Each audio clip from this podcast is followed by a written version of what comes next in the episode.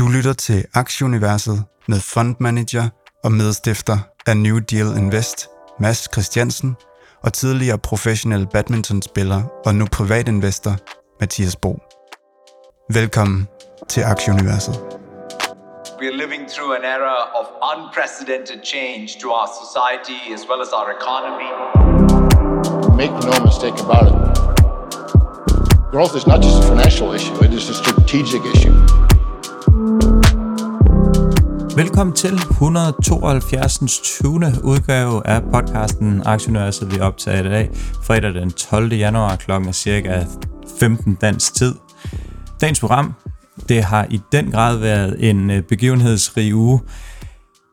Inflationstal, godkendt øh, spot ETF, optrapning af krigen i Mellemøsten. Vi skal kigge en lille smule på øh, Apple, som undskyld, Microsoft, som kort i løbet af ugen gik øh, forbi Apple som mest værdifulde selskab.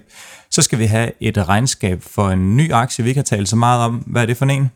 Det er Airtest uh, Systems, som er en af, af leverandørerne til det her, den her silikone-karbid-industri, som øh, uh, silikon-karbid-chip-industri, som, uh, som kommer meget fremad, men hele bilindustrien er, er i downturn lige nu, så uh, det, man skal time det rigtigt det her, men det er en sindssygt spændende industri, så det kommer vi til ned ad vejen.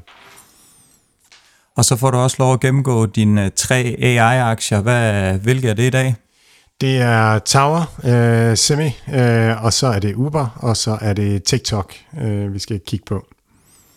Og så har vi haft øh, founder af det danske biotech-selskab Evaction, Andreas Holm Madsen, med til en snak om brugen af AI i medicinalindustrien. Ja, mega spændende interview med Andreas. Virkelig, virkelig interessant at høre om, hvor, hvor alt det der, det, øhm, det, det øh, bevæger sig hen. Jeg skal nok lige give et kort crash test i, øhm, i sygdom og sådan noget, inden vi tager ham på. Øh, og så, så, øh, så skal I høre det her sindssygt spændende rejse, som øh, Andreas har været på med, med, hans, øh, med hans virksomhed, som han er co-founder for, og øh, igennem mange år børsnotering på Nasdaq og det her take-nedtur, alt muligt. Der er så meget spændende i, i, i den historie, han fortæller. Og så har vi igen i dag Hello Fresh med som samarbejdspartner. Sund mad leveret direkte til hoveddøren.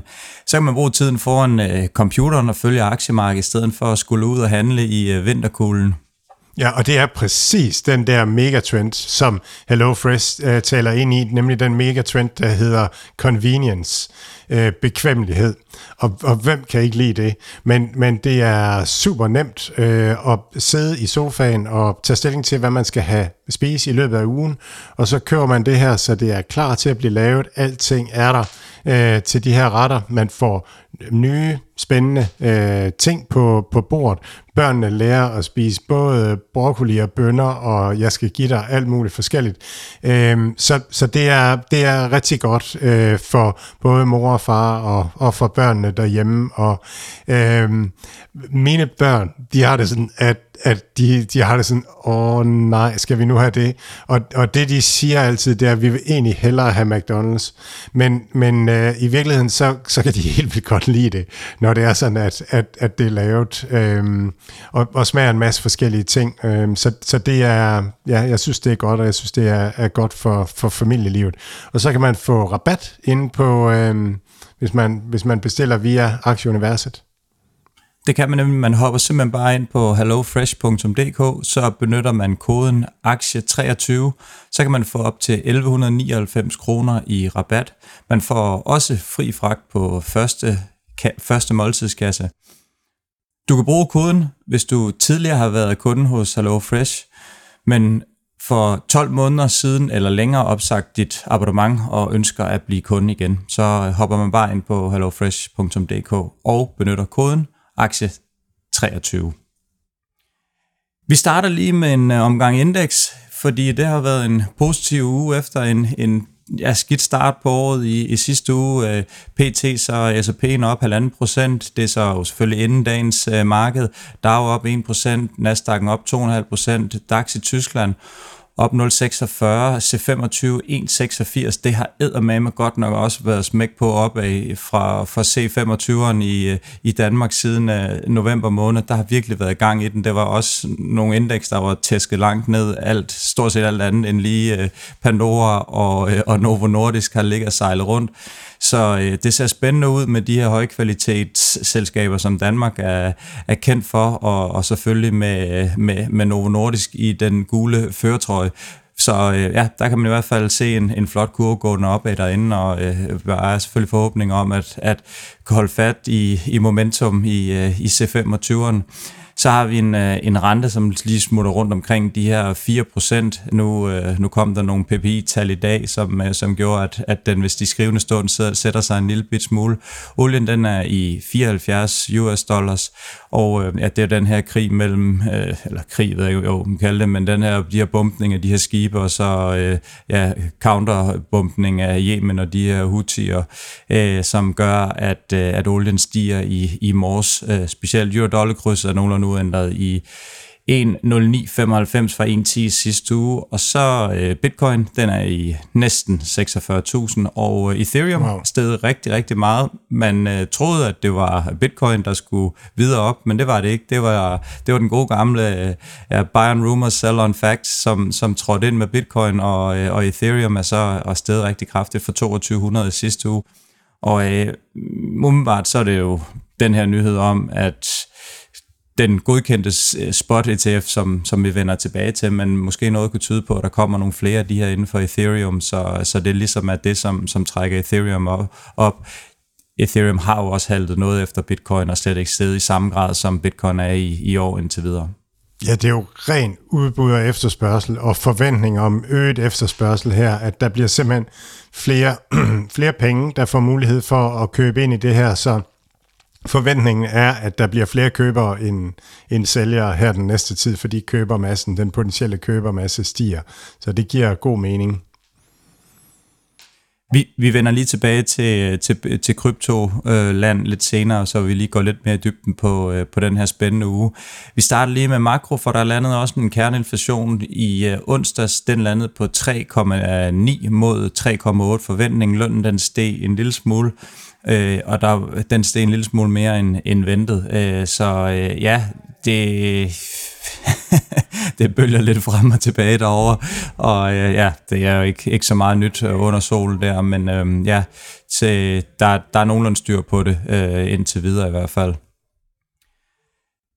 Vi skal lige en tur forbi olien. Det er Saudi-Arabiens statsejet olieselskab, som er inde og sænke priserne mere end forventet med en, en periode i det her sådan relativt svage oliemarked. Og det øh, ja, giver en indikation om, at den her svage efterspørgsel, både fra USA og Kina, øh, er lidt større, end, end man måske havde frygtet. Og så øh, selvfølgelig det her angreb på, på Yemen natten til fredag, det, sensor oliepriserne den anden vej og, og med til at holde olien øh, rigtig volatil i øjeblikket. Så der sker også noget inden for, for det her, og bestemt også den her spænding i, i Mellemøsten, som, som gør, at, øh, at olien den flyver frem og tilbage. Det må, altså, når man sådan sidder og hører på det, så, så kan man godt, altså, kan man godt forstå, hvis de der makrofolk, de sådan de er lidt forvirret, altså fordi at, at, at, at det her med olien, der, der kan være potentielt inflationær, er det i virkeligheden det, der driver det, eller de her stærke jobtal, er det fordi, at vi har den her trend, som vi talte om sidste gang med, at jobbene kommer hjem til, til, til de lande, øh, de kommer fra, og altså hold op, der er mange bevægelige dele, og det, det er svært lige at, at forudsige, hvor, hvor vi skal hen af. Jeg synes, man kan sådan fornemme det, at retningen er meget sådan Ja, ja. For, for hvad, hvad podcastnummer er det i dag? Altså for, for 180. 20. 172. gang. 172. 20. gang, så er det svært at, at finde ud af, hvor makro skal hen. Uh, så, men i dag har de min sympati, fordi jeg synes godt nok, det er, det er rodet, og også med markederne indeks. Lidt øvrige markedsnyheder. Vi starter lige med Nvidia, som er ude at lancere en ny chip. Den hedder RTX øh, 4080 og den starter så på en pris på 1000 dollar. Den skulle være 1,4 gange hurtigere end dens forgænger, som hedder RTX 3080 øh, Ti. Og så øh, er der en, der hedder RTX 4070 Ti Super, som skulle være 1,6 gange hurtigere end TRX 3070 Ti. Mads, jeg ved ikke, om du lige skal, skal prøve at tage os, tage os igennem det her russiske engang. Hvad, jeg, har ikke, jeg har ikke kigget på det, men det lyder som nogle grafikkort øh, med de priser, der er RTX og, og sådan nogle ting. Og det er jo sådan, PC-markedet forventer vi jo skal til, at, skal til at den rigtige vej i, igen nu her. Øh, øh, med, med efterspørgsel der, og det, og det er jo egentlig det, Nvidia øh, har været i rigtig, rigtig mange år. En, en, en virksomhed, der var mega god til at lave, øh, lave øh, grafikkort til gamerne, sådan at, at de kan spille nogle, nogle fede skydespil hurtigt. Så øh, det lyder som sådan noget. Ja.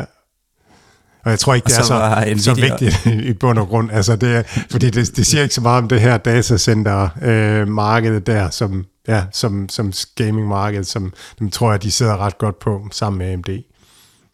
Så var Nvidia ude og annoncere også et øh, nyt partnerskab med Amgen og øh, Recursing øh, Pharmaceuticals, som hedder RXRX, og det er den her AI, som øh, man skal bruge platform til, til drug-opdagelse øh, af forskellige medicamenter osv. Det er jo meget apropos det her, som, øh, som du har en snak med Andreas om senere i programmet her. Så det er helt sikkert, at, at det her AI virkelig, virkelig er noget, der vinder frem, og, øh, og som som ikke kun Andreas og company har fået øjnene op for, men også nogle af, af de her lidt større i, i USA, som, øh, som kigger den her vej. Og det er præcis noget af det, der var interessant at snakke med Andreas også om, det er det her med, hvor, hvorfor, hvorfor kan I klare jer, når AMD og Amgen de er i gang og sådan nogle ting. Så øhm, ja, det er, det er vældig interessant. Så lidt nyt for Apple.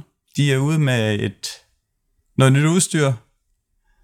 Yes, nu kommer den. Vision Pro øh, kommer her 2. februar. Øh, så, øh, så er den på gaden, og så kan man øh, bestille den. Den koster øh, 3.500 dollars øh, for sådan en, en fætter. Øhm, og det, det, som, det, som Vision Pro er fra Apple, det er jo det her med, at det skal være i stedet for øh, computerskærmen derhjemme, for, for arbejdsstationen, så har man en, øh, en, en skærm på, hvor man kan sidde og bruge hænderne øh, til at, at vise, hvad det er, man vil, og, og interagere med skærmen.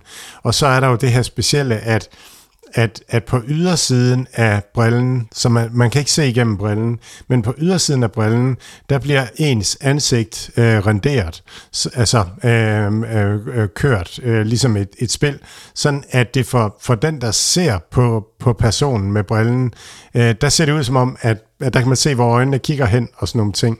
Så, øh, så brillen føles gennemsigtig, og gennemsigtigheden kan reguleres.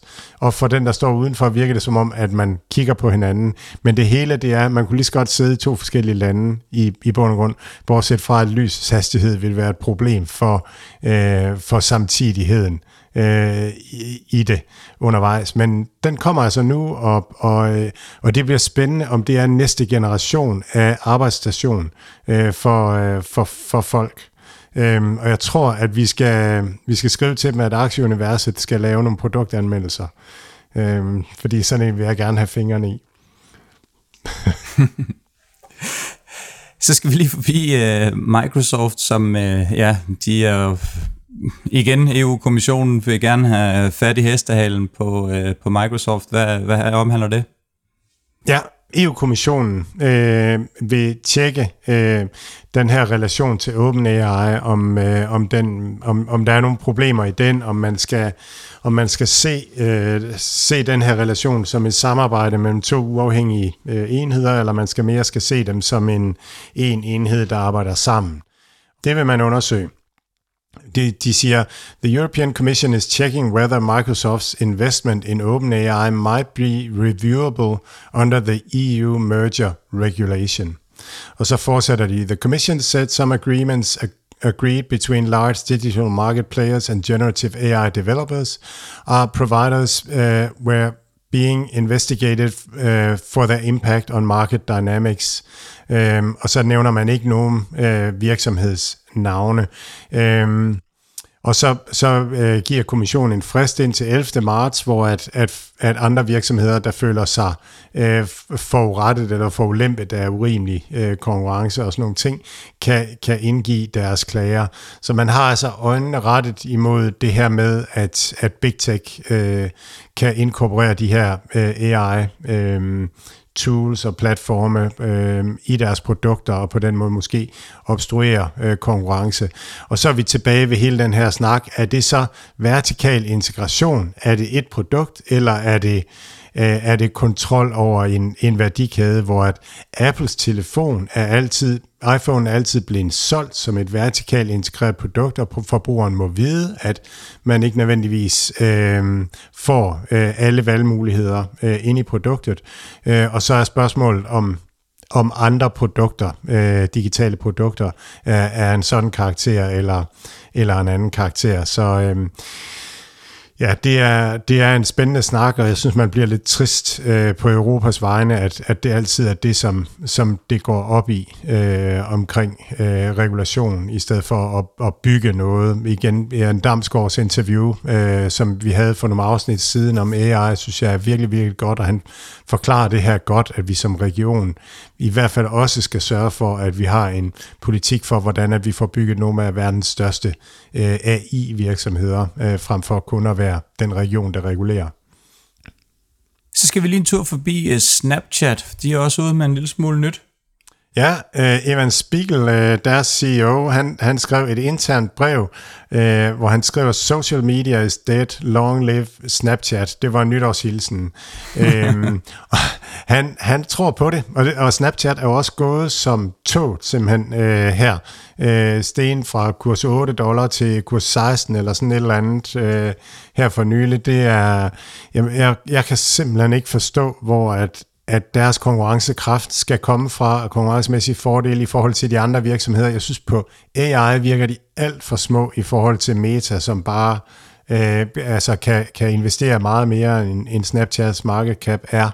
Øhm, så, så jeg synes, de virker et, et, et uheldigt sted, og så er de blevet ramt af, af, af regulationen af data og øhm, øhm, ja, alt det her dataregulering, der har været, som gør det svært for dem at, at targetere deres reklamer ordentligt. Så jeg er i hvert fald på sidelinjen i forhold til Snapchat øh, indtil videre. Så skal vi lige over til Intel, som har været ude og øh, købe op. Hvad handler det om? De køber øh, en, en virk, de, de, de kommer med en autochip, øh, som skal konkurrere med Qualcomms øh, chip til auto og Nvidias øh, tiltag til auto også. Øh, og i den forbindelse er de også uannonceret, at de køber noget, der hedder Silicon øh, Mobility, øh, som, som hjælper dem øh, i den der satsning. Det virker helt klart som om Intel virkelig, virkelig har taget skeen i den anden hånd og, øh, og investerer rigtigt nu. Det er jo sådan, Intel Øh, Intel kom slet ikke med på mobilchipsene, øh, og det gjorde man ikke, fordi det var Innovators dilemma i virkeligheden. Man var, man var ledende på, øh, på, på de, de gamle chips, øh, så hvert år, når man ligesom havde muligheden for at investere x millioner dollars i at, at, at fortsætte med at producere de her højmargin gamle chips, eller begynde at komme med på produktion af de nye øh, mobilchips og sådan nogle ting, så valgte man altid det der højmargin noget. Og det er virkelig en innovators dilemma, at, at det at være med på i fremskridtet, øh, det kræver, at man investerer langsigtet og måske til en lavere margin og er villig til at lave noget, man ikke tjener så mange penge på til at starte med.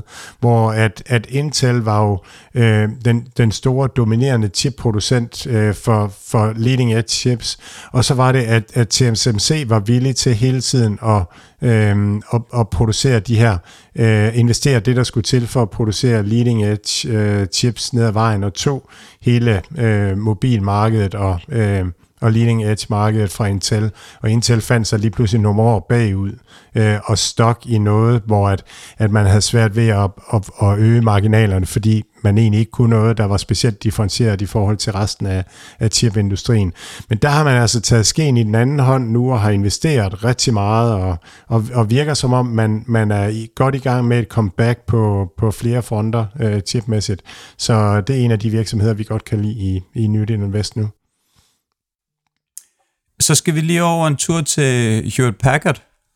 Ja, øh, de har købt, øh, eller de køber Juniper Networks, og det er virkelig, så er vi tilbage i, i noget af det, af det gamle historiske. Øh, men øh, Hewlett Packard er grundlagt tilbage i øh, 1939 øh, og har igennem øh, årene været, været en af de store tech-virksomheder, øh, fundamentale tech-virksomheder i øh, USA. Og så øh, i nullerne øh, og i, i, øh, i, i tierne, der har man haft en dårlig ledelse. Faktisk helt det samme problem som Intel. Man har fokuseret mere på kortsigtet profitmarginer, og ikke fået investeret langsigtet i, i, i at udvikle og komme med på, på, på de nye teknologiløsninger. Og så i 2010, så købte man en engelsk virksomhed, som var en scam, øh, simpelthen, øh, og måtte afskrive et stort beløb. Så blev man splittet op i øh, HPE, altså Hewlett Packard Enterprise, og HPQ, som er det, vi kender fra, fra computerne, som vi stadigvæk øh, kan købe Hewlett Packard. Øh, og det er altså HP Enterprise, som øh, har købt øh, Juniper Networks. Og, og den, Enterprise-delen har været sådan, øh, leveret øh, datacenter, high performance øh, datacenter. I 2017 købte man noget, der hedder Aruba Networking, som, øh, som altså, øh, infrastruktur, når man taler computer, så er det øh, compute, og det er storage, og så er det network. Det er, sådan de, det er de tre komponenter, der er der. Og computer storage, der er marginalen generelt lav, hvis ikke man selv producerer chipsen. Øh, men i netværk, der er der høj marginal. Så Europa har, har været en rigtig god, øh, en rigtig god del af øh, HPE øh, igennem årene og har øh, SASE, som, som øh, Simon og Jordan har lært os om i Networks øh, Security, og de har øh, rigtig godt SD-WAN og sådan noget, så er godt positioneret i forhold til network og så videre. Og nu har man så valgt at købe Juniper øh, Networks, som egentlig sådan lidt er en legacy uh, netværks Øh, leverandør. Øhm, og, og jeg kan sige, øh, Simon er helt op at køre over det. Han synes, det er vildt fedt, fordi han kan rigtig godt lide Cisco øh, ja, i øjeblikket, og, og mener, at at, at det her egentlig ikke, at det er noget godt til øh, Aruba øh, at, at komme sammen med, øh, med Juniper Networks. Juniper er også en spændende virksomhed. De var disruptoren til Cisco i gamle dage. Cisco havde en switch, øh, den der kan sende digitale signaler, og så kom Juniper med, med en router og, og havde nogle mere avancerede produkter dengang. Og det er jo sådan tilbage i historien, ikke? Men, men, øh, men Cisco var en af de der, der blev store under .com, og så, lige, og så simpelthen aldrig rigtig øh, kom derfra. Men øh, ja, nu, nu er der opkøb her, og, og generelt set øh, er er Simons tolkning, at, at det er, er rigtig fint for, øh, for Cisco og også for Broadcom og, øh, og, og de aktører, som vi godt kan lide i, i den her branche her. Men vi skal lige kigge lidt nærmere på den her øh, krypto-historie, øh, fordi vi kan nærmest døbe den krypto-ugen. Tirsdag, der blev SCCE's uh, Twitter-account, den blev hacket, og der blev skrevet, at de havde godkendt uh, den her Bitcoin Spot ETF, og det viser sig at være et fake tweet, som de var ude og, uh, og reagere på nogle timer efter, at det var kommet og selvfølgelig fjernet. Og så Ej, onsdag, så kom den her så kom den her nyhed så for alvor onsdag om, at uh, 11 spot ETF'er blev godkendt. Det er, kan lige hurtigt nævne Grayscale, det er Bitwise, det er Hashtag, det er BlackRock, øh, det er Valkyrie, det er ARK21, det er øh, Invesco, det er Van Eyck, det er Wisdom Tree, det er Fidelity, og det er Franklin Bitcoin. Så det er altså nogle af de helt store af de her ETF-fonde, som alle sammen er, er ude og, øh, og, og, og have en af det her. Og, og der skete sådan hverken bedre eller end, at øh, Grayscale, som har været i, i markedet omkring siden 2012-2013, som er en af de sådan mere etablerede spillere, de fik faktisk et, øh, en, en volumen på 2,3 billion US dollars, som, øh, som var ind, og, øh, og den næststørste, som så var iShares, de havde omkring en, en, øh, en, en milliard øh, US dollars som, øh, i, i omsætning i volumen på, på den her nye, på, på første trading dag torsdag.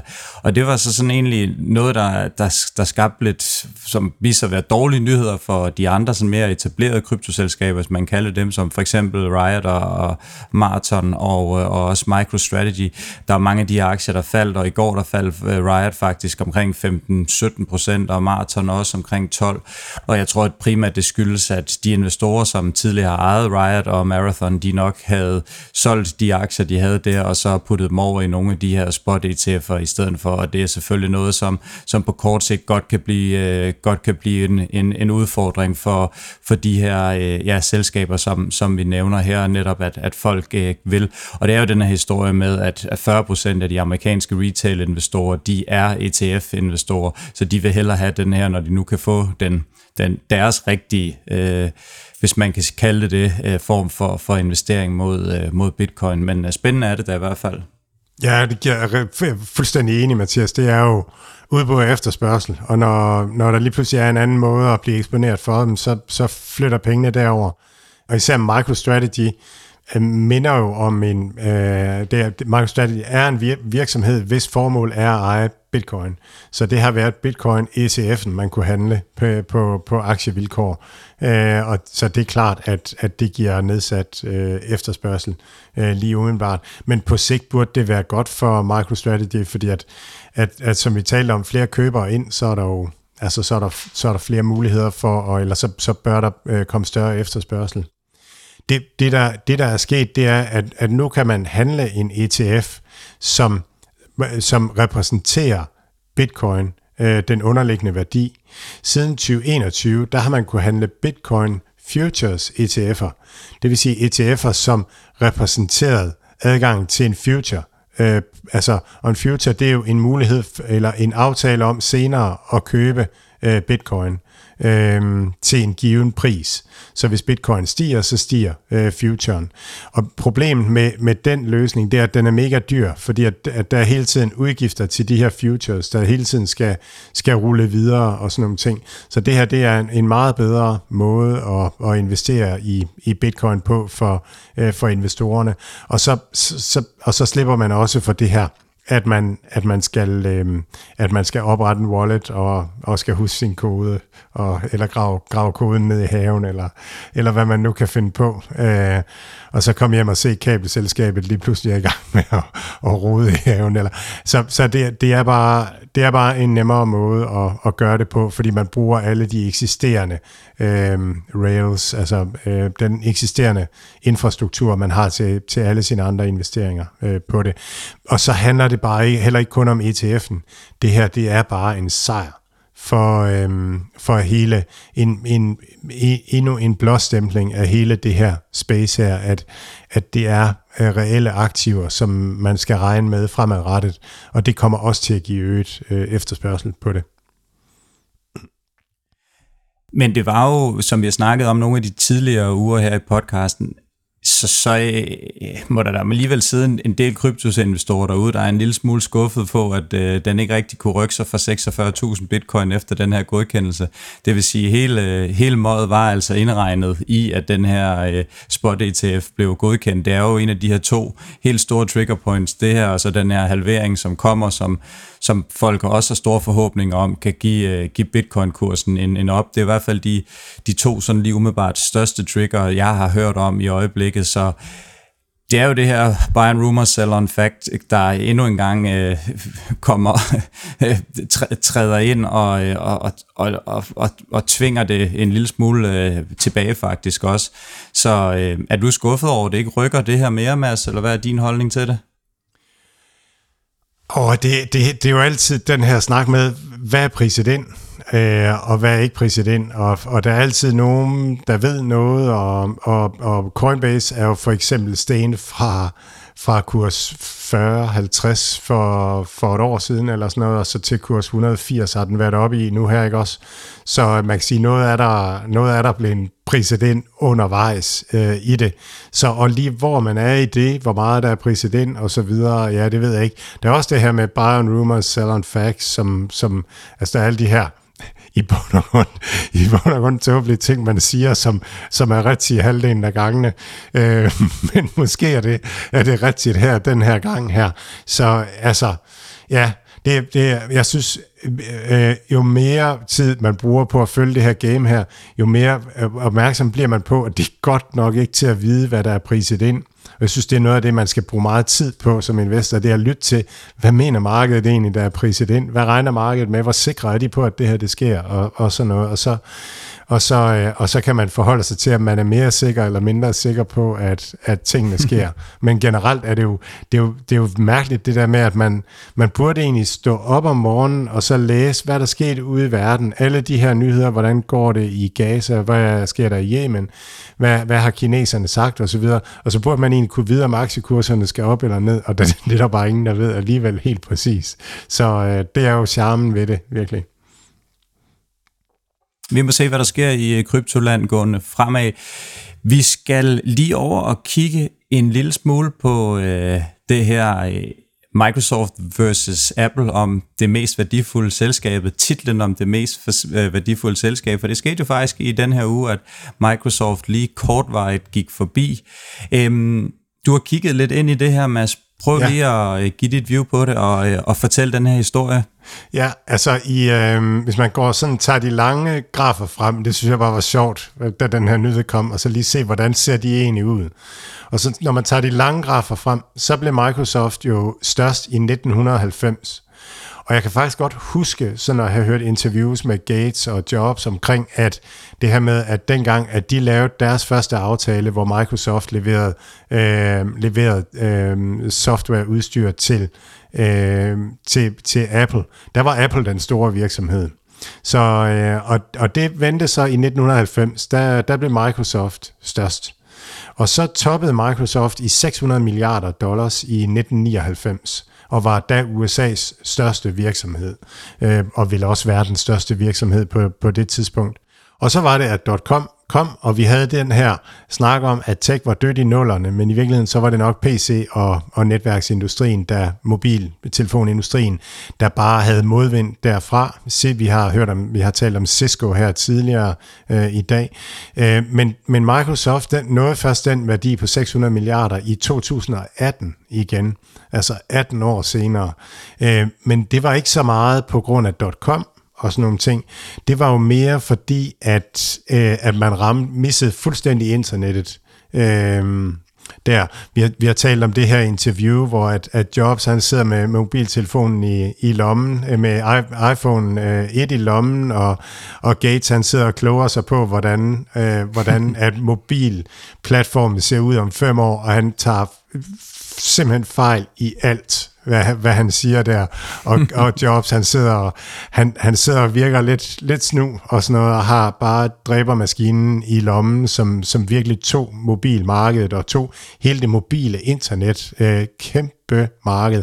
Og det var det, der gjorde, at, at Apple blev øh, verdens største virksomhed igen. Og det blev i 2010 øh, hvor iPhone blev launchet i 2007, hvor man var meget mindre end, end Apple, eller end Microsoft. Og så siden 2018, der har de to virksomheder sådan egentlig bare vækset om, øh, hvem der var størst. Og det, der bragte Microsoft tilbage til, øh, til, til ret kurs, det var Satya Nadella, Øh, det er i hvert fald ham, der har fået lov at høste frugterne. Øh, om Steve Ballmer, han, der var CEO inden Satya Nadella, han i virkeligheden havde gjort nogle ting rigtigt, det, det er svært at sige. Men, men Nadella kom til i 2014 og proklamerede, at nu skulle man have et skift fra at være Windows-fokuseret til at blive Cloud øh, og Teams-fokuseret. Øh, og... Øh, Planen var, som jeg har hørt det, at, at Teams skulle have hedde Skype faktisk øh, dengang, og så, øh, så ændrede man det til Teams og, og fik den her vision om at skulle være noget på mobilen og skulle være, øh, være meget mere øh, cloud-baseret.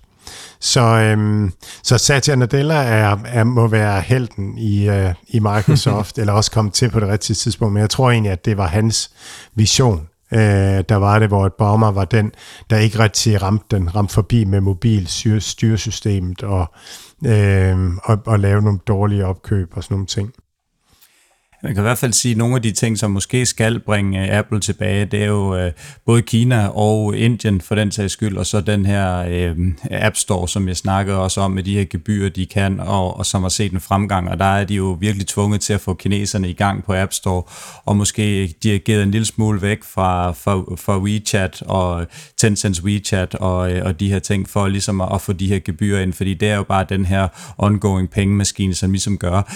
Øh, jeg tvivler på, at det er de 3.500 dollar dyre headset, som, som alle folk render rundt med i hvert fald. Det, det, skal i hvert fald, det bliver i hvert fald ikke mig, der, der kommer til at købe det der.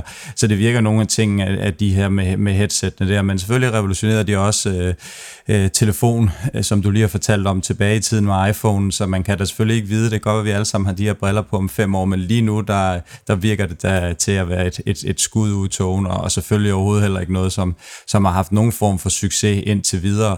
Øh, ja, Meta har også været ude og lancere, og der er jo nærmest ikke blevet solgt et par af det. Så øh, det er svært at se, at det er lige det, der skal være deres næste øh, cash cow, men øh, ja, de har jo hævet noget ud af, af ærmet tidligere, øh, og, øh, og, og, og den her strømlignede maskine, som, som Microsoft bare er, og ruller de forskellige ting ud, der, der ser de stærkt ud. Så pt. så har man da i hvert fald øh, Microsoft som, som favorit til at, at, at vinde den kamp inden for, inden for det her år i hvert fald. Jeg er fuldstændig enig, Mathias, og, og, og du, du nailer det, at, at det er nok den her Vision Pro, som skal vise sig at blive fremtidens skrivebord.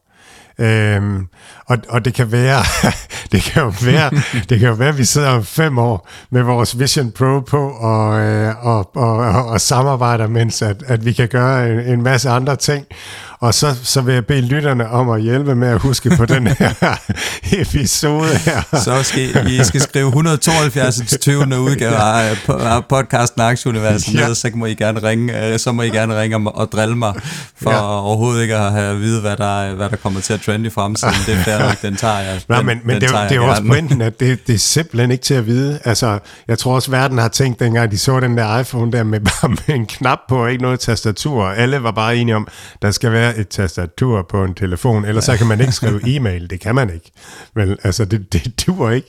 Men så alligevel, så, øh, så, så kunne de et eller andet. Jeg glæder mig sindssygt til at prøve det der uh, Vision Pro der, og prøve det der med fingrene, og se, hvad, hvad, hvad kan det egentlig, og sådan noget. Kan det virkelig kan det virkelig passe, at det kan blive en smartere måde at arbejde på? Det bliver så spændende, og det, det er det nok ikke. Altså, alt sådan noget innovation, de fleste, de fleste ting er jo forbier. Og så, men hvis man rammer den, som Apple gjorde der med telefonen, så hvis man rammer, hvis man rammer den en gang imellem, så gennemsnit og afkastet er ret godt. Vi skal over til regnskab for den her nye aktie Air uh, Test System, Mads. Du, øh, ja, du har selvfølgelig lige beskrevet den lidt, øh, lidt før, men øh, prøv lige at tage os igennem den her case, og hvorfor du har taget den med til os i dag. Ja, altså øh, der, der er det her silikone, silicon carbide, som, som er et nyt materiale at lave mikrochips øh, af. Og, og, øh, og det materiale er mere temperatur hold, holdbart og kan klare højere spændinger. Så, øh, så man bruger det rigtig meget i biler, man bruger det også i industri og i strømstyring og sådan noget. Og det, det er noget, der vinder frem, fordi det kan noget. Øh, til, til gengæld så er der en del chips, som bare ikke fungerer særlig godt eller dør tidligt i livet. Og det er ret upraktisk, hvis det er en bil. For eksempel, man har udstyr med en chip, og man skal den tilbage på værksted, eller det er en maskine på øh, et eller andet sted.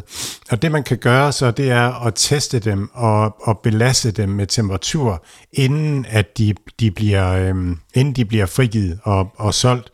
Og det, det er blandt andet øh, noget af det, Air Test Systems leverer øh, systemer til. De kalder det burn-in. Øh, og nogle, nogle af producenterne vælger bare at sende chips afsted, og nogle af producenterne vælger at lave burn-in. Og det er især On Semiconductor, som, som laver burn-in øh, af, af de her chips og bruger Airs, Airtest Systems. Så, øh, så, så Airtest Systems er sindssygt spændende, øh, men en, en small cap og har en stor kunde, der er alting galt med, med den her virksomhed. og nu er der også det galt, at, at semi eller øh, at at, at power chips øh, øh, er, i, er i nedsving. Altså industri og bilchips er, øh, er i en cyklisk øh, nedtur nu at det er sindssygt spændende, at, at det, det, det er kommet ud af synk nu i chipindustrien. Det er ikke samtidig det hele. Det er forskellige segmenter på, på forskellige tidspunkter. På grund af corona og på grund af AI, så, så, så er, det, er det ude af synk med, med hinanden. Og, og den her del af chipindustrien er nede i en nedtur nu. Og det er, ST Micro er den største producent. Øh, On Semi er begynder at nærme sig den at være den næststørste producent af, af de her. Og så er der en tredje spiller, som noterer spiller, der hedder Wolfspeed, som, øh, som er i gang med at udbygge produktionskapaciteten rigtig meget, så derfor er de, kører de rigtig, altså meget med negativ cashflow, fordi de investerer rigtig meget, men, men, de, men de kommer til at kunne producere meget. Så det er de tre chipproducenter, så er der Infineon fra, øhm, fra Tyskland også, som, som er en der. Og så er der altså Airtest System, som har sådan en, en, en, øhm, ja, et, et, et testsystem. Så det er et lille bitte frimærke i noget, som, som kunne være interessant. Øhm, og den... Øhm, de kommer ud med et regnskab, hvor de øger omsætningen til 21,4 millioner dollars, op 45 procent og de nedjusterer væksten i indeværende år til 15-30 procent. Men det første halvår, det var med 60 procents vækst, så det vil sige, at det kommer til at stå pænt meget stille nu her i, øhm, i 3. 4. kvartal, og det er den her opbremsning. Og man har kun én kunde og sådan noget, så hvis det går godt for den kunde, eller hvis der kommer nogle nye kunder ind, så ser det rigtig godt ud, og de taler om, at der nok er nogle nye kunder på vejen og sådan noget.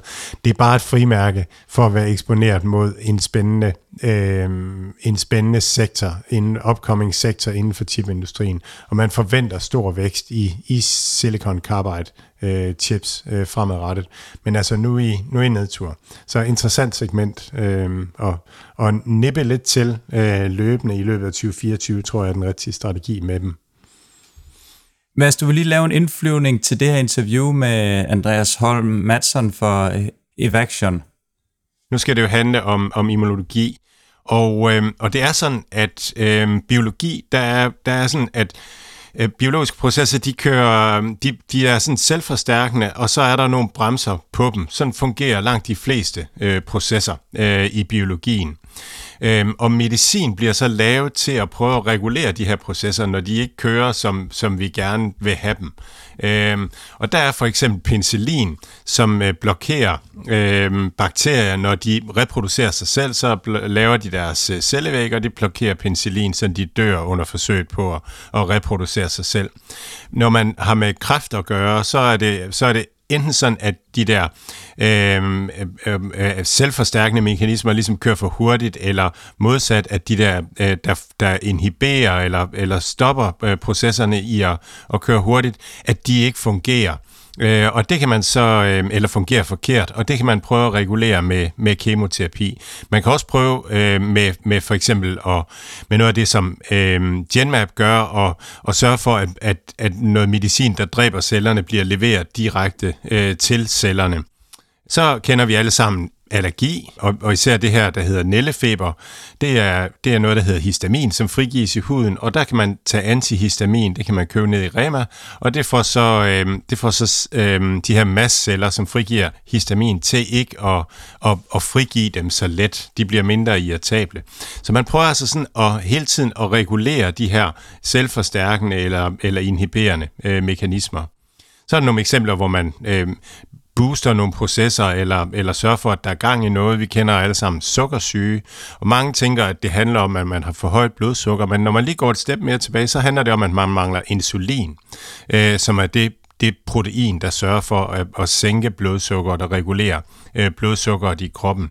Og der har man så øh, fundet ud af, at man kunne erstatte øh, insulinet først med svineinsulin, og så senere med, med insulin, som man øh, kunne producere øh, ned ad vejen. Når man så kommer til immunsystemet, så er det jo sådan, at immunsystemet skal hele tiden finde ud af, er det her noget, er det noget fremmed, jeg skal bekæmpe? Altså det er vores forsvar. Er det noget fremmed, jeg skal bekæmpe? Eller er det noget, øh, noget der gerne må være her? Så, så immunsystemet skal lære, at ting gerne må være her, men det skal også øh, øh, fjerne alt det, der, der er fremmed.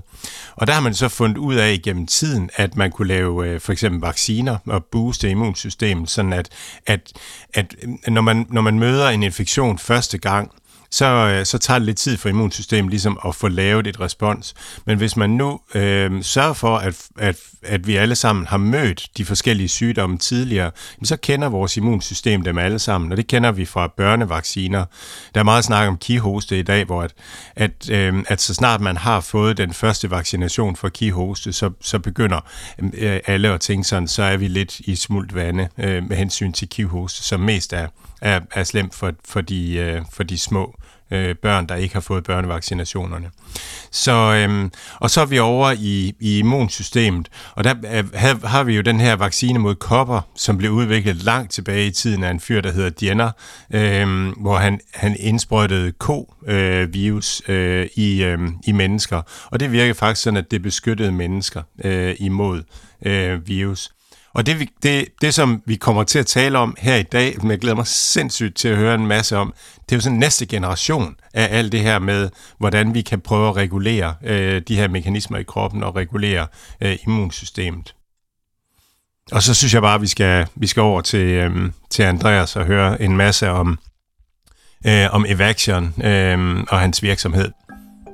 Det lyder vildt spændende, Mads. Jeg glæder mig utrolig meget til at høre øh, Andreas fortælle om det her. Alt, hvad Mads, Mathias og deres gæster siger, er deres egne meninger. Det er ikke finansiel rådgivning. Denne podcast er udelukkende ment som information og skal ikke bruges til at lave beslutninger om investeringer. Mads, Mathias og kunder i New Deal Invest kan have positioner i de virksomheder, der tales om i podcasten. Andreas Holm Madsen, øh, Chief AI og Culture Officer fra Evaction, og du er også øh, øh, founder af Evaction. Simpelthen så spændende at have dig her. Velkommen til. Ja, tak. Og så fedt, du kunne komme, og, og, og der er en masse spændende, vi skal, skal høre om. Det har også været en, en vild spændende rejse at, at følge. Øh, det er ingen hemmelighed, at jeres, øh, jeres aktie også har fulgt øh, tech-aktierne generelt, og, og det hører vi noget om øh, længere nede af, af vejen. Men vi skal lige vi skal lige starte med at høre lidt om, om dig, Andreas, og, øh, og din, øh, din, din, vil du ikke fortælle lige kort om, om, om Evaxions, hvordan din rejse ind i det er, og, og, og Chief AI og Culture Officer, øh, det er også nysgerrig på, den øh, titel. Ja, jamen øh, jo, altså jeg, jeg er, er bioinformatiker for DTU, og øh, Evaxion blev startet på en idé, som jeg fik fra mit øh, masterspecial øh, ude på DTU, Øhm, og øh, det var, altså DTU dengang øh, inden for bioinformatik var jo øh, øh, pionerer, kan man sige. Øhm, og øh, da jeg afsluttede min, mit speciale der i, øh, i 2007, så, øh, så øh, kørte jeg videre med den idé, øh, jeg havde, og det var at bruge neurale netværker til at øh, identificere øh, beskyttende antigener. Øh, altså det vil sige vaccinkandidater, øh, som var super svært at finde med normale øh, metoder øhm, som sådan en nål i en høstak til de her, øh, de her beskyttende øh, overfladestrukturer, som øh, man bruger i vaccinerne i dag, moderne øh, vacciner. Øh, for eksempel spike-proteinet, det er jo et øh, i, i corona-vaccinen, jo, det er jo det er sådan en overfladestruktur, ikke, som man bruger.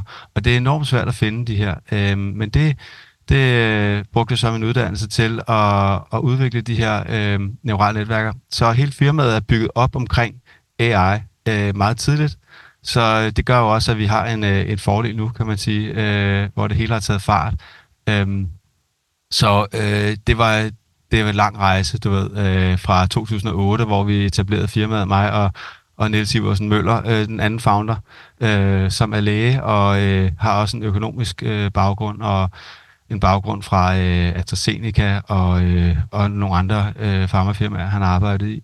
Øh, så vi var på samme alder, du ved, øh, unge og fuld fart på, øh, så vi kørte bare på øh, uden løn i syv år, øh, og bare fik non-diluted funding fra Novo og Gates Foundation og IMK Almen Fond, Trykfond og så videre, øh, og fik ligesom bevist, at øh, man kunne bruge øh, øh, neurale netværker, altså det vi kalder AI i dag, ikke, til at øh, identificere de her øh, øh, øh, virus, øh, eller hvad hedder det, bakterielle var det så, vi fokuserede på, bakterielle vaccinekandidater, ikke?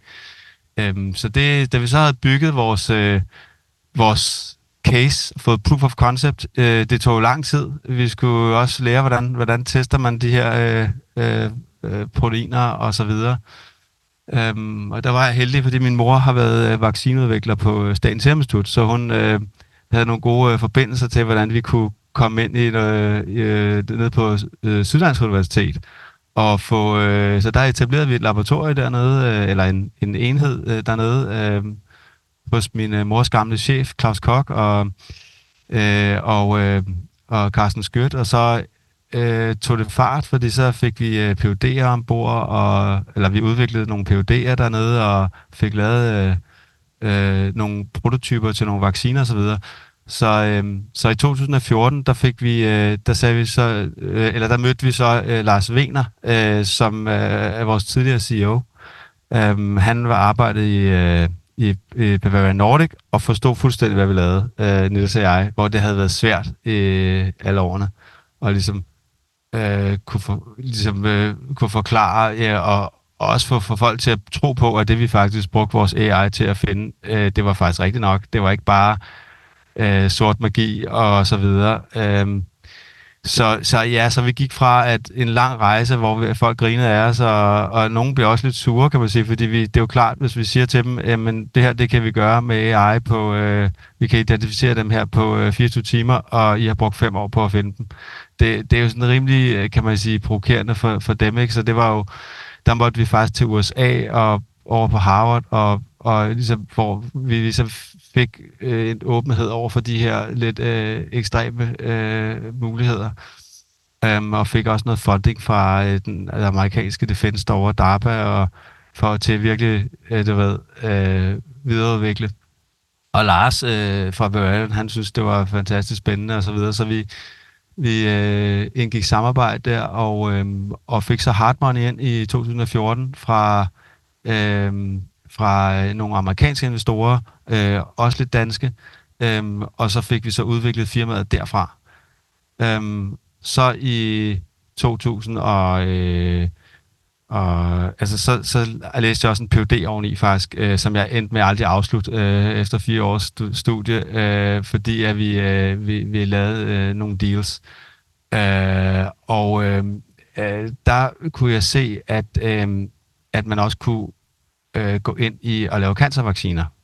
Øh, og med de, øh, den forståelse for immunsystemet og den decoding, vi havde lavet med vores AI af immunsystemet, så øh, kunne vi se, at det kunne lade sig gøre. Øh, der var også nogle forskellige forsøg, der piblede op øh, rundt omkring, at øh, faktisk det her immunterapi, det, øh, det virkede. At immunsystemet kunne faktisk øh, kunne øh, udslette canceren, øh, at man behøvede ikke kemoterapi og så videre, man faktisk kunne guide immunsystemet øh, med de rigtige informationer til at og, øh, og, og slå canceren ihjel. Så vi åbnede faktisk en, en anden arm, øh, kan man sige, af Evaxion, hvor vi havde øh, lavet de her personlige cancervacciner øh, øh, med vores AI, så vi havde infektionssygdomme og øh, cancervaccine øh, udvikling det endte vi faktisk med at køre så langt, så i 2021 blev vi så børsnoteret, øhm, hvor vi øh, på Nasdaq US, øh, og, øh, og så har det så, øh, efter der, vi, vi øh, blev børsnoteret på toppen der, øh, og så er det selvfølgelig, øh, så har vi lavet en, en follow-on-runde, øh, hvor vi har totalt set rejst omkring øh, ja, 60 millioner øh, US dollars, øh, som vi så har brugt til at, at, at bevise, at vores teknologier virker og så videre, og skalet organisationen op. Øh, så det var en lang forklaring. Øh, Sindssygt spændende. Hvordan, altså, øh, det, det har vel nærmest været grundforskning til at starte med. Ja, netop. Og, og, og funding til, til det, har det så været, været grundforskning-agtigt? Øh, ja, altså det var det. Øh, helt øh, i starten, hvor vi fik funding fra de forskellige fonde. Øh, at de, øh, det var helt klart, jamen kan man det? Kan man virkelig bruge neurale netværker til at identificere de her øh, beskyttende antigener, som man bruger øh, 5-10 år for at identificere, og, og nogle gange identificerede de, man ikke de rigtige. Altså det var, eller de mest beskyttende. Øh, det er også det, vi har vist nu her, efter så mange års øh, forskning nu her, at vi er i stand til at kunne korrelere øh, selve AI-scoren med præklinisk beskyttelse i, øh, i, i, i dyremodeller, hvor vi simpelthen kan, kan se, jamen altså, når skoven går op, jamen så, øh, så går beskyttelsen af de her øh, vaccinetargets også op. Og det er ikke vist før øh, nogensinde. Så vi har lige publiceret her i, øh, i, i slutningen af året, sidste år her i 23, øh, hvordan at vi er i stand til at kunne gøre det. Så det har, der har været rigtig meget skriveri omkring det på den gode måde, øh, og blevet ringet af journalist, op af journalister og så videre. Så det har været sjovt, og jeg har også været i Boston og præsenteret det og så videre og så videre. Det øh, giver men også, det er så inden for altså... ID, infectious diseases, ikke? Men ja. vi kan faktisk også gøre det samme inden for cancer. Der kan vi også korrelere det med, med, med beskyttelse, også vores AI-score, med, ja. med beskyttelse i mennesker også. Ja, og det, altså til, bare lige til lytterne derude, altså det, det, øh, det immunsystem kan, det er det her med at genkende eller 3D-strukturer og reagere på 3D-strukturer, det er, ting skal, skal passe sammen, og så, øh, og så, så er det ligesom en dockingstation på, på rumfærgen eller sådan et eller andet. Man skal have den rigtige form, og så videre, og så, øh, og så kan man, så kan man dokke. Øhm, og og der, der tidligere har man altid let lidt tilfældigt efter ting, der virkede. Ikke? Penicillin blev opfundet ved et uheld, og, øh, og de ender der sprøjtet noget ind øh, i øh, ko... Øh, kokoppevirus, uden sådan helt at vide egentlig, hvad, hvad var det, det, det, hvordan var det, det virkede. Og det, der I så tager det videre, det er, at, at I kan aflæse de, de der rumlige strukturer på, på molekyleniveau, og så kan I forudsige, forudsige, at hvis man designer en rumlig struktur, der er sådan her, så kan den her nye raket dokke med, med rumfærgen, eller dokke med, med den celle, så kommer den til at hænge, hænge på der. Øh, ja, sådan, sådan, Ja. Ja, lige præcis. Altså, lige præcis. Det, det, man kan sige, vi, vi er stand, vi, det vi gør, det er, at vi, vi tager, øh, lad os nu sige, det er en bakterie, som vi skal lave en vaccine mod. Det kan være stafylokokker for eksempel. Øhm, det er, øh, man kan kalde det sådan en, en, en, en rund badebold, kan man sige. Øh, øh, jeg nogle gange kalder det dødstjernen. øh, og, og du ved, dødstjernen har et svagt punkt. Øh, det kender vi jo alle sammen fra Luke Skywalker. Han ramte det rigtige punkt, ikke? Og det er super svært at finde ud af, hvor er det svage punkt. Og øh, det er det, vi kan bruge AI til. Så den identificerer simpelthen det svage punkt på, øh, på den her øh, øh, øh dødstjernepatogen. dødstjerne-patogen. Øh, og øh, normalt så øh, tager, var det det, der tog nemlig så mange år at, at finde frem til, og det kan vi gøre på 24 timer nu. Bare, øh, og, og, og det eneste, vi har behov for, det er sådan set bare øh, DNA'et fra bakterien. Og hvordan, hvordan, når I så har den der rumlige form, hvordan, altså, hvordan, hvordan kommer man så, hvordan kommer man så, altså får man den leveret øh, på stedet? Fordi I, I, leverer, I leverer viden om formen, som jeg forstår det, og så, så, så, skal, så skal der leveres et eller andet, noget medicin eller noget effekt, eller, eller ja. et eller andet.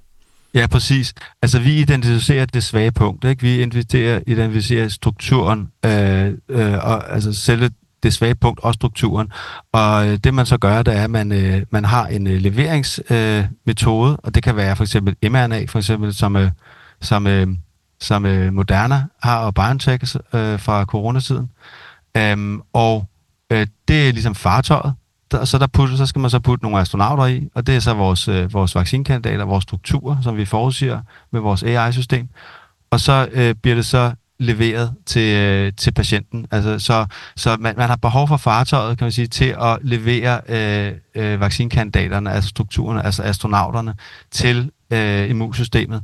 Øhm, hvis man bare sprøjter astronauterne ind, så flyder de bare rundt, og så sker der ikke noget. Så, så, så, så opdager immunsystemet det ikke, så bliver det bare skyllet ud med det varme, eller med, det, ja, med, med badevandet, han har sagt.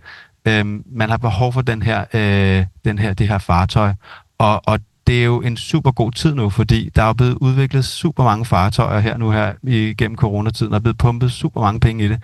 Der er ikke ret mange, der har astronauterne, øh, og det er der, hvor vi har en kæmpe edge nu. Og, og, og det er også der, øh, hvor passer øh, øh, Bavarian Nordic ind i det her?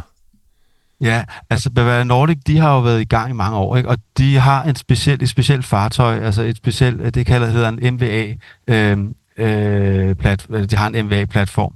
Øh, det er en øh, viral, øh, en viral øh, platform, fordi det er, øh, hvor du gensplejser øh, en virus, som, øh, som ikke er en menneskevirus, men du gensplejser den, så, så den inficeres ikke, men den, den går ind, og så øh, har den nogle, øh, det, når man sprøjter den ind, så har den nogle øh, signaler, sådan, så immunsystemet siger, hov, den her, den skal vi virkelig være opmærksom på. Alt, hvad den har på af struktur, det skal vi, det skal vi lave nogle, øh, nogle, øh, nogle antistoffer mod, øh, og, og så videre, og uddanne en masse T-celler, øh, altså soldater til at, øh, at modvirke øh, alt det, der er inde i den her. Så det, man gør, man gensplejser alle den her MVA med de her forskellige targets, som man har behov for, at immunsystemet skal, skal arbejde mod og, og genkende. Så det er sådan, det, det er super smart. Øh, man kan, hvis man bare har de rigtige øh, proteiner, altså de rigtige targets, de rigtige astronauter, øh, så kan man øh, ingeniere den, og så kan du så bruge den som, øh, som, øh, som det leveringsfartøj, øh, han har sagt, til immunsystemet. Og det nye, I bringer til, til tår, det er, det er AI. Øhm, at, at AI, at, og der, der kan man tale om, at, at man kan både bruge det som øh, øh, til at, at identificere, jeg tror, I kalder det responders øh, og, og non-responders til, til forskellige ting. Vil du prøve at, at fortælle noget om, altså hvad, hvad det er, man kan bruge AI til inden for, for, for det her felt? Ja, helt sikkert. Altså i, øh, Evaction har en, øh, vores platform hedder AI Monology, og det er en platform, som består af fem forskellige AI-modeller, og hvor fire af dem øh, er, af target-identifikation, altså det vil sige, øh, at man identificerer de her astronauter, øh, til, øh, som man så, hvor man så kan putte det ind i forskellige leveringsplatforme. Øh, det kan være vores egen, vi har også vores egen, øh, men det kan også være for eksempel øh, Bavaria Nordics øh, eller Modernas for den her skyld. Øh, så har vi en femte AI-model, og den forudsiger, om en patient re- kan res- respondere, ikke respondere på en, øh, en checkpoint inhibitor-behandling, det vil sige immunterapi. Det er sådan i dag, at der er rigtig mange, øh, der får immunterapi, hvor det ikke virker. Og øh, hvad nu, hvis vi kunne forudsige med stor høj præcision, hvorvidt øh, immunterapien virker, øh, eller ikke virker. Øh, så vi har specialiseret os i at forudsige, at den ikke virker. Og det kan vi gøre med meget høj præcision. Øh, vi kan faktisk øh, med den standardbehandling, der, der er i dag, øh, der, vil, der kan vi med øh, 95% sandsynlighed kan vi øh, forudsige, hvorvidt 25% af den her altså 25% af de her non-responders, dem der ikke responderer, der kan vi, af de 25%, der kan vi gå ind og sige, okay, vi kan, vi kan med 95% præcision sige, du, kan ikke, øh, du responderer ikke på den her. Og det er jo en kæmpe fordel, fordi der er jo rigtig meget, øh, specielt folk, som får immunterapi, de er ofte meget, meget syge, og, der, øh, og tre måneder for dem betyder rigtig meget. Øh, så hvis vi kan give dem et forspring på tre måneder ved at sige, at det her virker ikke, I skal videre på sin anden terapi, så er der jo øh, en kæmpe fordel for patienten. Men det er selvfølgelig giver det også en stor besparelse for samfundet, fordi der bliver pumpet rigtig mange penge i, i at behandle øh, øh, folk med immunterapi. Det er jo super dyrt. Ja, det er, det er jo sådan, når man som læge får en patient, som, som så, altså det at, at diagnostisere en sygdom, det er jo egentlig sådan en gruppe af, måske af symptomer sammenholdt med, med nogle blodprøver, og så har man defineret en kasse, som man så siger, det, det her, det kalder vi den her sygdom. Øhm, og, og ud fra den kasse, så, så prøver man så at teste nogle forskellige behandlinger. Men, men i virkeligheden, hvis man kommer ned på molekylært niveau, altså så kunne det godt være, at der var nogle andre inddelinger, der gav mere mening. Det var bare de her kasser, som vi havde mulighed for at lave ud fra nogle biologiske markører, ud fra nogle, sådan nogle sygdoms, øh, symptom, øh, rubriceringer, vi laver. Men, men, men der med AI, så kan man tage det lidt et skridt længere ned og så sige, at vi behøver ikke kasserne, vi kan godt bare gå på, gå på det, den enkelte sygdom, øh, eller den enkelte person. Er det, er det ja, lige præcis. det? Ja, lige præcis. Så, så det vi gør, det er, at vi, vi tager øh, øh, patientens øh, øh, en masse informationer fra, fra, øh, jeg sige, fra blodprøver øh, fra patienten, øh, fra patientens tumor, øh, patientens bl- øh, raske blod, og så kan vi så øh, køre vores AI-modeller på den data, og så simpelthen forudsige, øh, hvorvidt at patienten kan altså respondere eller ikke respondere på, på den her øh, immunterapi. Øhm, så det er sådan set bare en blodprøve, vi har behov for, og en, en, øh, en biopsi.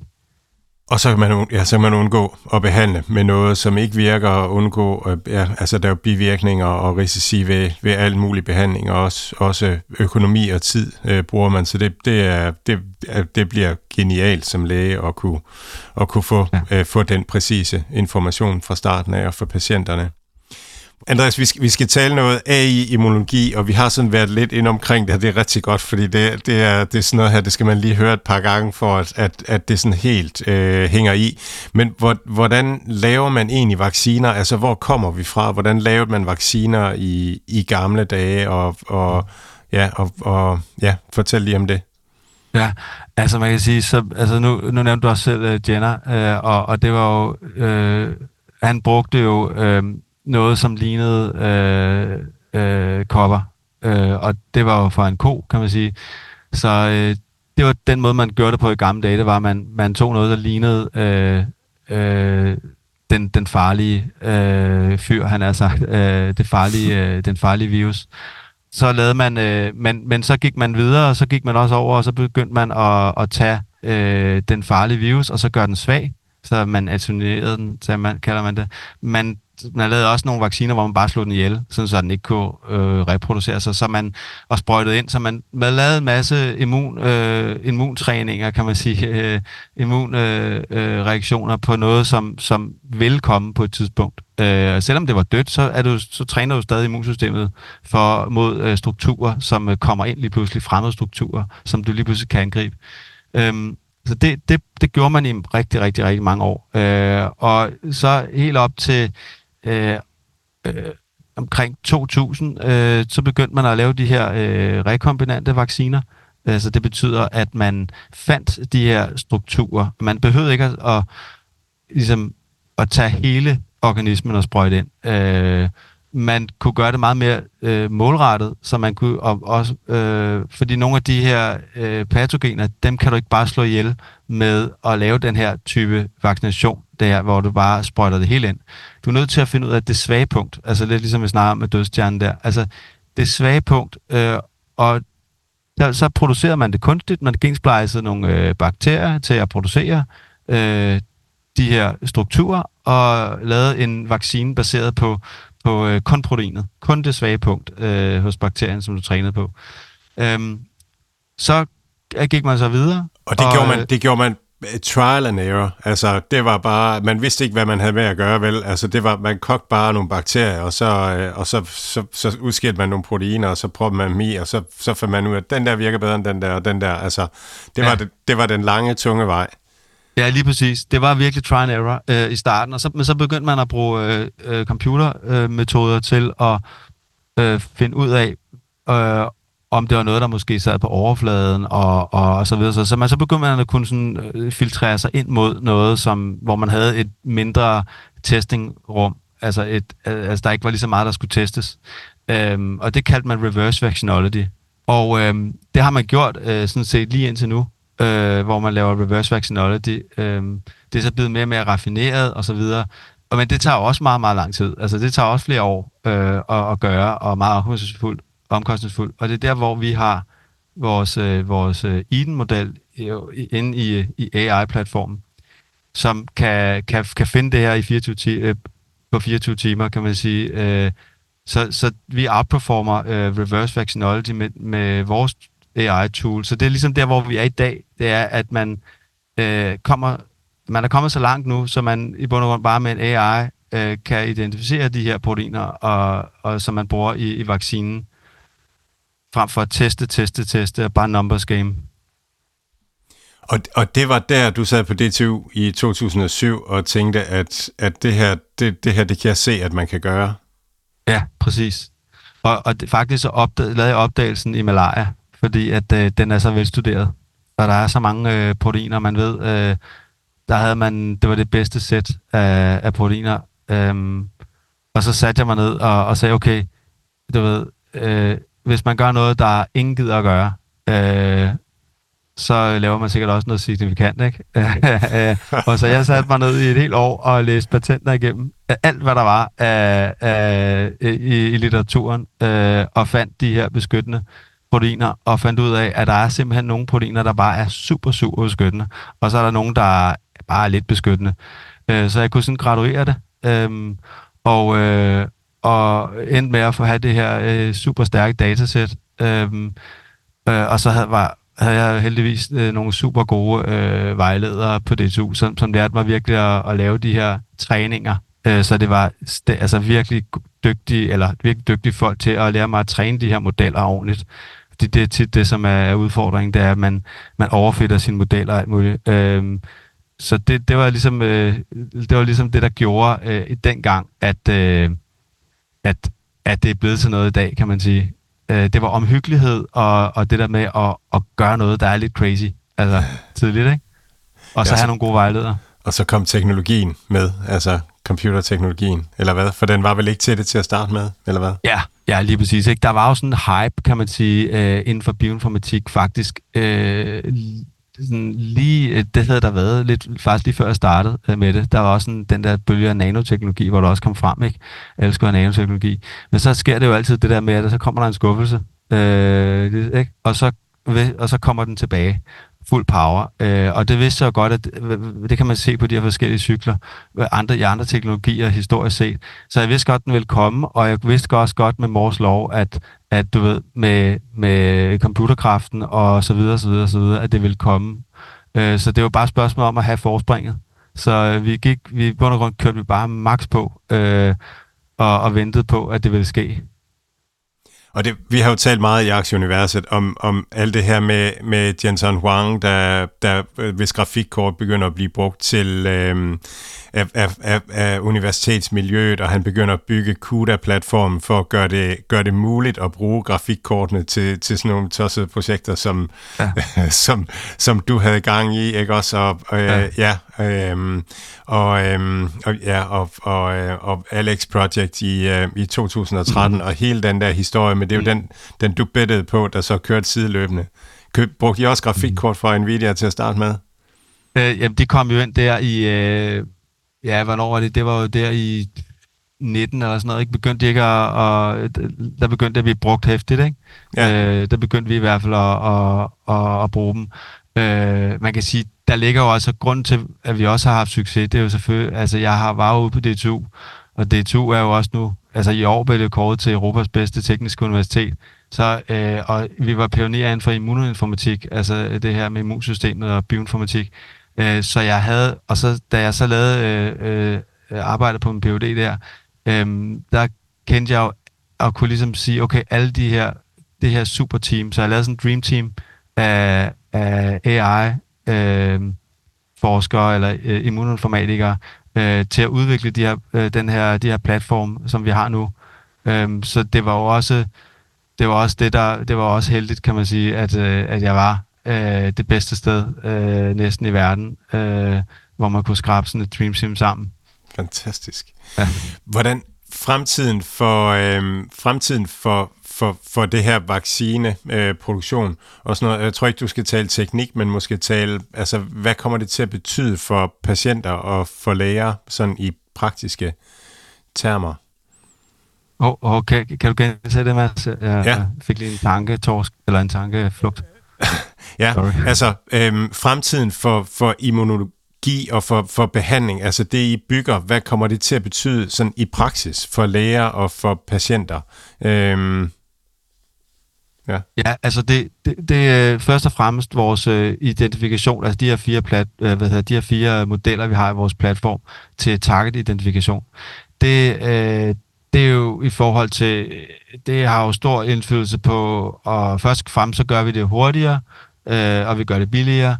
Øh, det er en ting, men det, det er der rigtig mange AI-firmaer, der siger rundt omkring, at de kan. Øh, jeg kan sige, det som øh, på, på, på mange områder, kan man sige. Det, som vi, der hvor vi er unikke, og som er vores claim to fame, det er, at vi øh, er i stand til at kunne forudsige øh, øh, effekten af vores targets, mm, korreleret med vores AI-score. Så vi ret vi, vi ved øh, med ret stor sandsynlighed, øh, øh, hvor meget værdi de her targets har allerede, bare på AI-forudsigelsen.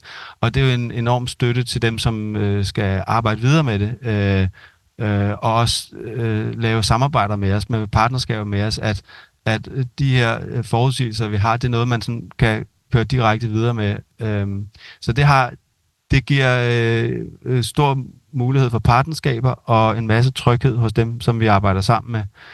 Øhm, og i forhold til vores øh, femte øh, AI-model i vores øh, AI Knowledge-platform, der har vi den her responder for at sige, at den, vi, den hedder AI Deep. Den, øh, den, øh, den, vil vi, den vil kunne blive en stor hjælp på hospitalerne, øh, og det vi har som vision, det er, at det, den selvfølgelig er på hospitalerne som sådan en del af en suite, øh, hvor de bruger AI, øh, og øh, øh, hvor de kan bruge informationen til at tage en besluttet, øh, tage en, en guided beslutning omkring øh, øh, behandling øh, med over for den her patient, som, som, som de står overfor. Øhm, og det mener vi er, er ret tæt på, at, at det kan bruges. Øhm, så, øh, så på den led, så, øh, så har vi en indflydelse på, på, ja, på dem.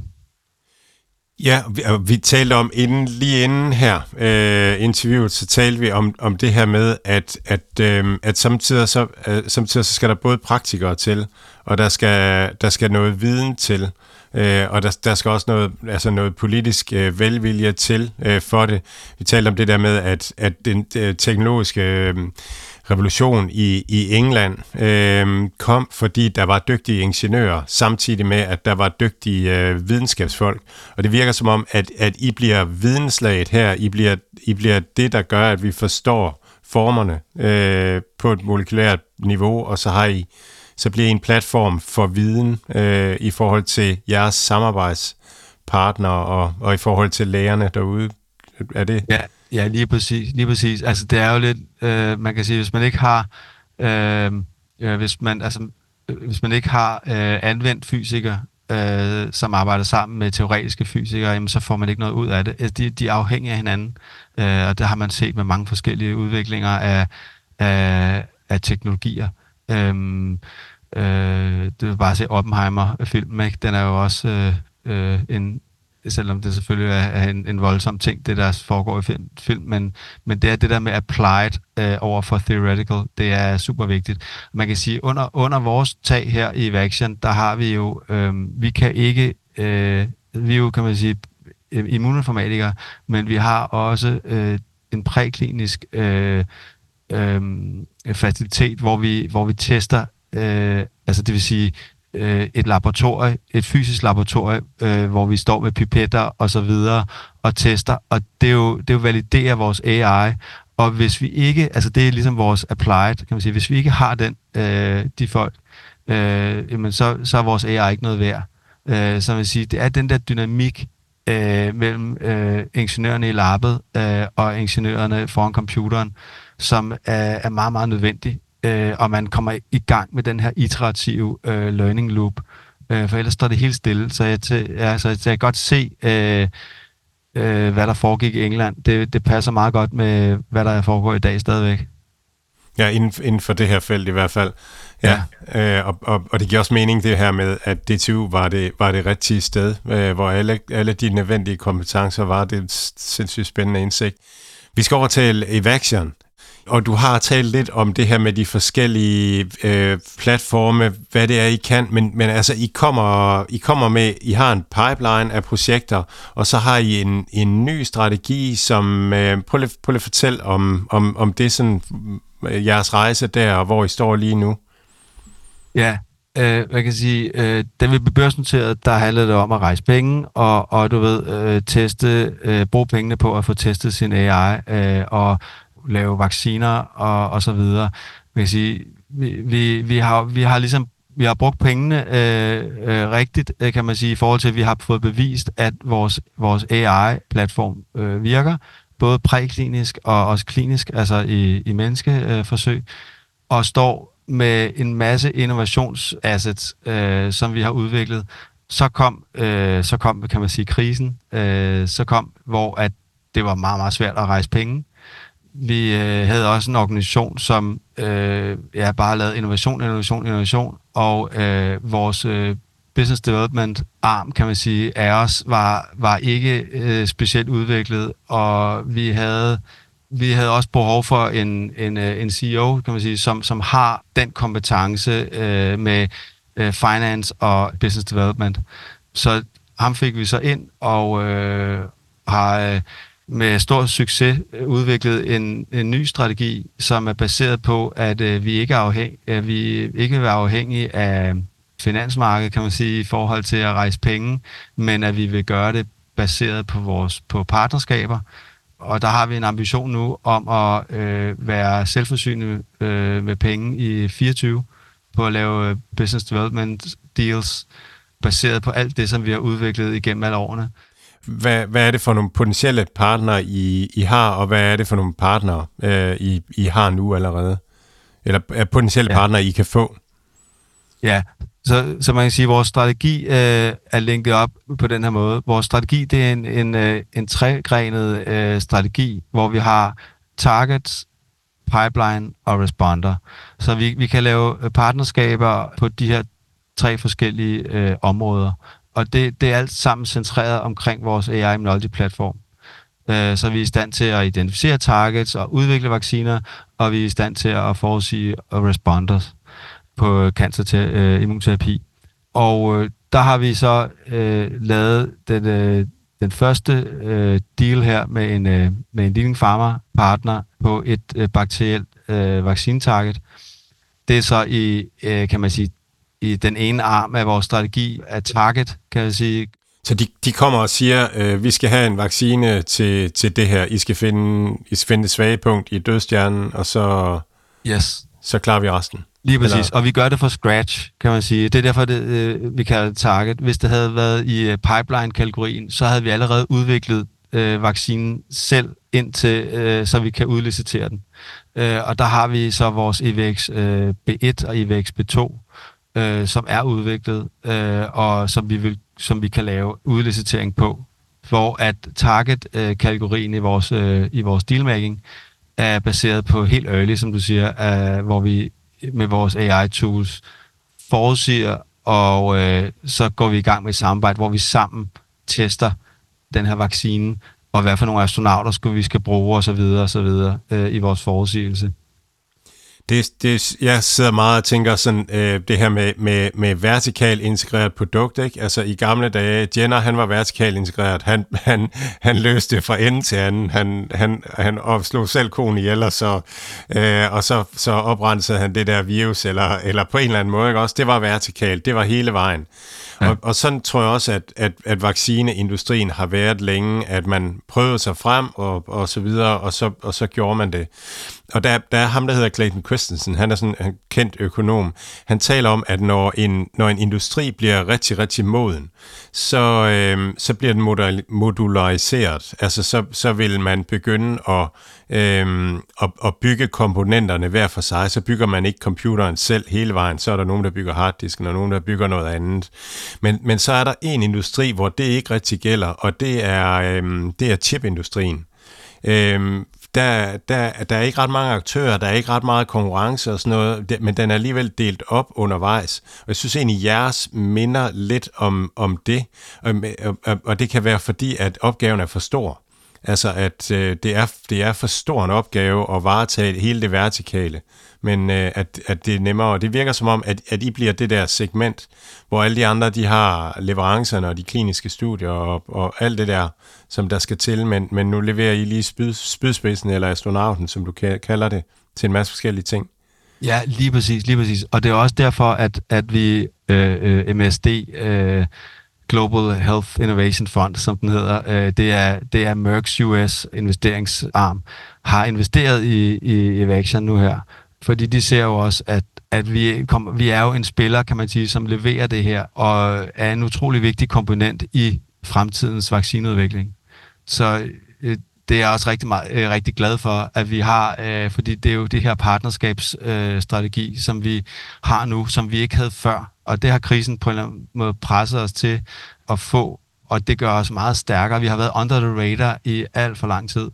Øh, så på den måde har krisen været god for os, kan man sige, til at virkelig sige, okay, man, at sige, det her, det er det, som vi laver, altså ligesom chips, og det her, det de laver, og det her, det er, hvordan vi kan samarbejde, øh, og så finde nogle stærke, stærke samarbejder. Der må man sige, at få MSD ind, øh, altså US Merck øh, Venturefonden, ind øh, som øh, hovedaktionær i Vaxion, det er, det er super stærkt. Og, og hvad er så jeres sådan, voldgrav på, på lang sigt? Hvordan, og, og, og måske to om jeres konkurrence også, hvordan, hvordan situationen er? Ja, altså vores, vores voldgrav er jo, at det her med, at vi har været i gang øh, i, i, i 15 år, kan man sige, hvor vi har udviklet vores øh, AI-tools og har en dyb, dyb forståelse for, hvorfor det virker. Vi har også den her interne, eller den her multidisciplinary øh, interne kompetenceniveau, med de, det her, de her Dream Teams, kan man sige, både ude i labbet, som laver, laver som tester vaccinerne og, og analyserer, og så vores bioinformatiske Dream Team, al den læring der, er, som er, er forankret selvfølgelig i vores, i vores teknologi, men også i vores patenter, der har vi en, en voldgrav. Og man kan sige, det er under one roof, og man kan sige, grund til, at jeg hedder Culture Officer, er også fordi, at det handler om, at de her meget højt, højt begavede og meget øh, sympatiske mennesker, de har, skal have et godt sted at, at innovere og arbejde i. Øh, så der har vi jo også udviklet en stærk kultur, som kan få, det, øh, øh få holdt fast i øh, teamet. Ikke?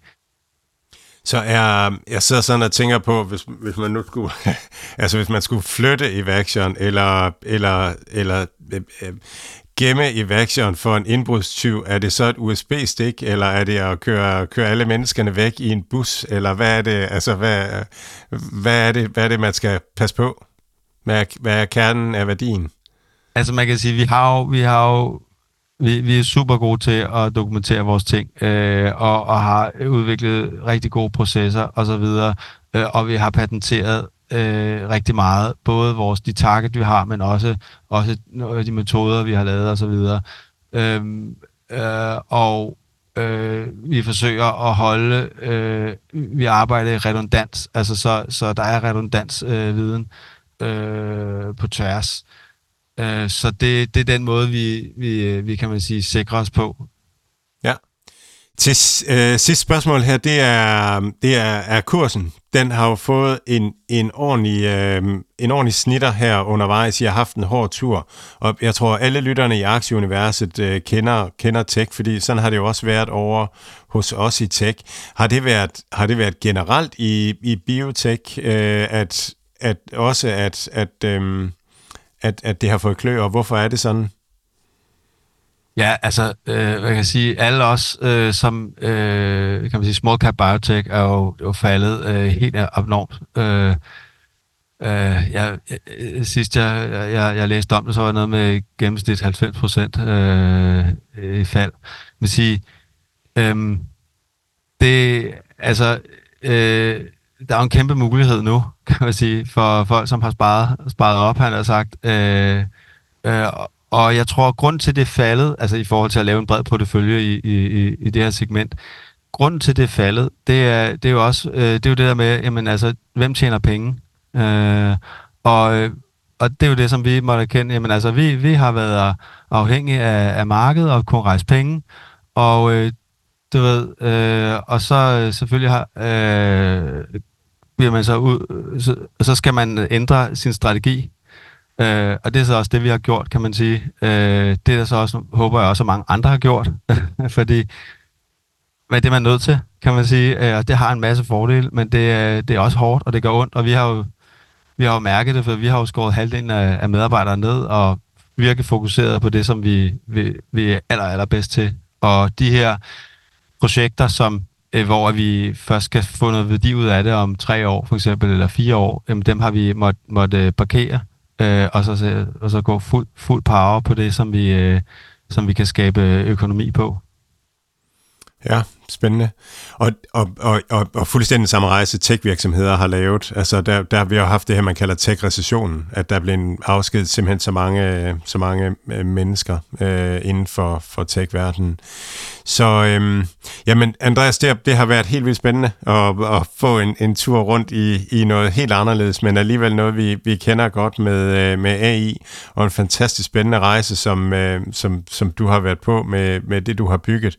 Øh, alt muligt øh, held og lykke med, med jeres øh, fremtidige mission, som virkelig også er med til at gøre verden til et bedre sted. Jamen, tusind tak, Mads. Det var en fornøjelse at være med. Du har virkelig nået at få øh, de her bankregnskaber med, ikke fordi vi plejer at gå vildt meget dybt med den, men det betyder jo som øh, ja, i sagens natur, at regnskabssæsonen er skudt i gang. Vi starter med de store amerikanske banker, som er landet her i dag. I næste uge, så går det løs med nogle af vores aktier. Ja, vi øh, torsdag øh, kommer Taiwan øh, Semiconductor. Øh, de kom ud med øh, regnskabstal, eller med, med omsætningstal her i forgår, så det, det var nogenlunde som forventet, så, så ikke noget, der, der rørte sig der, men det bliver alligevel pulsen på chipmarkedet. Og så kommer, så kommer Ali Financial øh, fredag, som er lidt interessant, fordi de er en af Caravanas øh, partnere. Så det, det starter i det små, men øh, man er der som en, øh, som en, en cirkushest, der lugter savsmuld nu. Så får vi lige en status på fredagens marked, og det ser umiddelbart positivt ud. S&P'en er op næsten en halv procent, Dow er op 0,2, og øh, Nasdaq er op en halv procent også. Så ja, vi, øh, vi håber, vi kan ride den i mål med en, endnu en grøn dag på aktiemarkederne, så, øh, så bliver weekenden jo som bekendt en lille bitte smule bedre. Der er kun tilbage at ønske lytterne derude en rigtig god weekend, og selvfølgelig også god weekend til dig, Mads. Vi er tilbage igen i næste uge. I lige måde, Mathias.